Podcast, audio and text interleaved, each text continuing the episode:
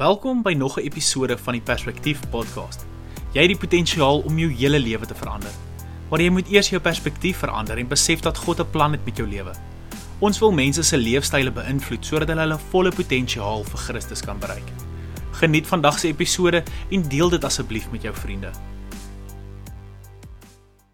Vandag gaan ons bietjie gesels oor die gejaag na geld en besittings.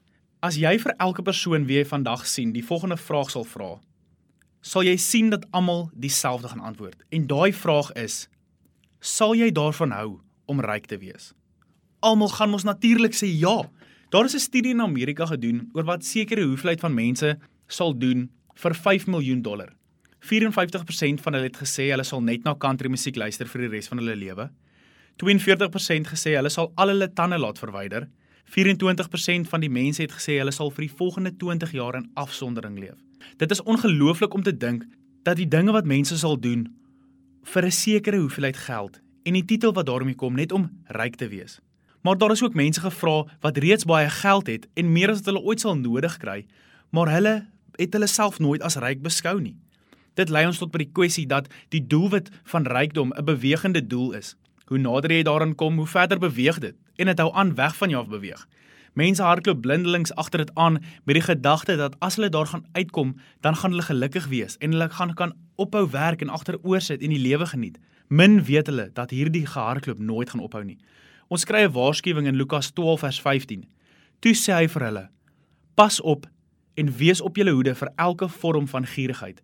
Wat 'n mens se lewe is nie afhanklik van die oorvloed van besittings nie. Ons moet versigtig wees, veral in vandag se tyd waar sosiale media en die kultuur heeltyd vir ons sê dat dit is daardie dinge wat ons nie het nie wat ons gelukkig sal maak.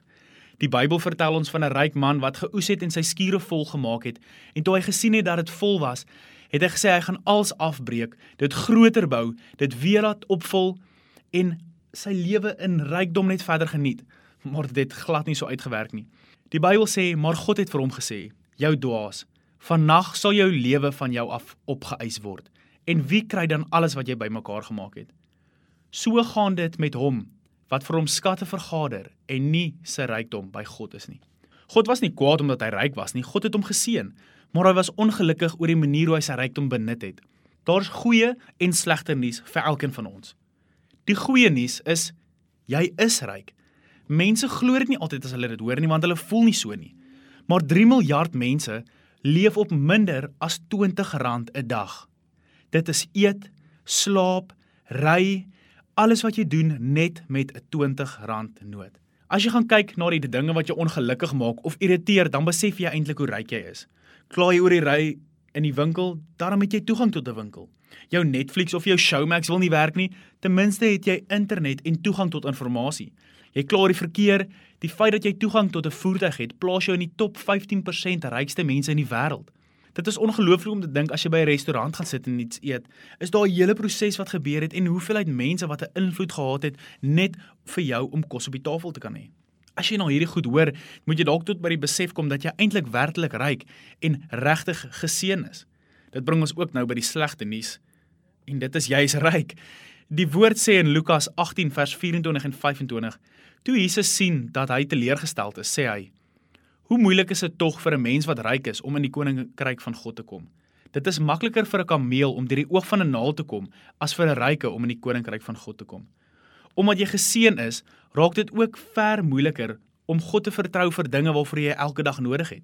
Wanneer laas moes jy vir God vra, Here, voorsien vandag vir my my daaglikse brood? Of stap jy net elke keer in die Spens of in Woolies in en jy kry wat jy nodig het?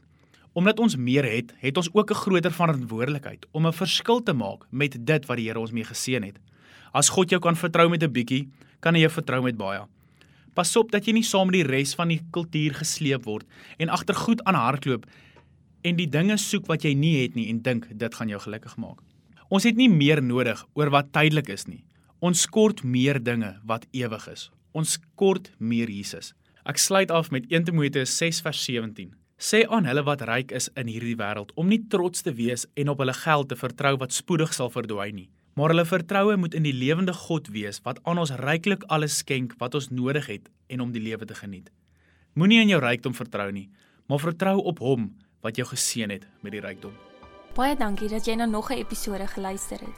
As jy enige geestelike hulp nodig het of graag wil deel word van 'n groep jong mense wat elke Woensdag aand bymekaar kom, stuur asseblief vir ons 'n e-pos na jeug@harmoniegemeente.co.za of volg ons op Instagram en Facebook vir meer inligting.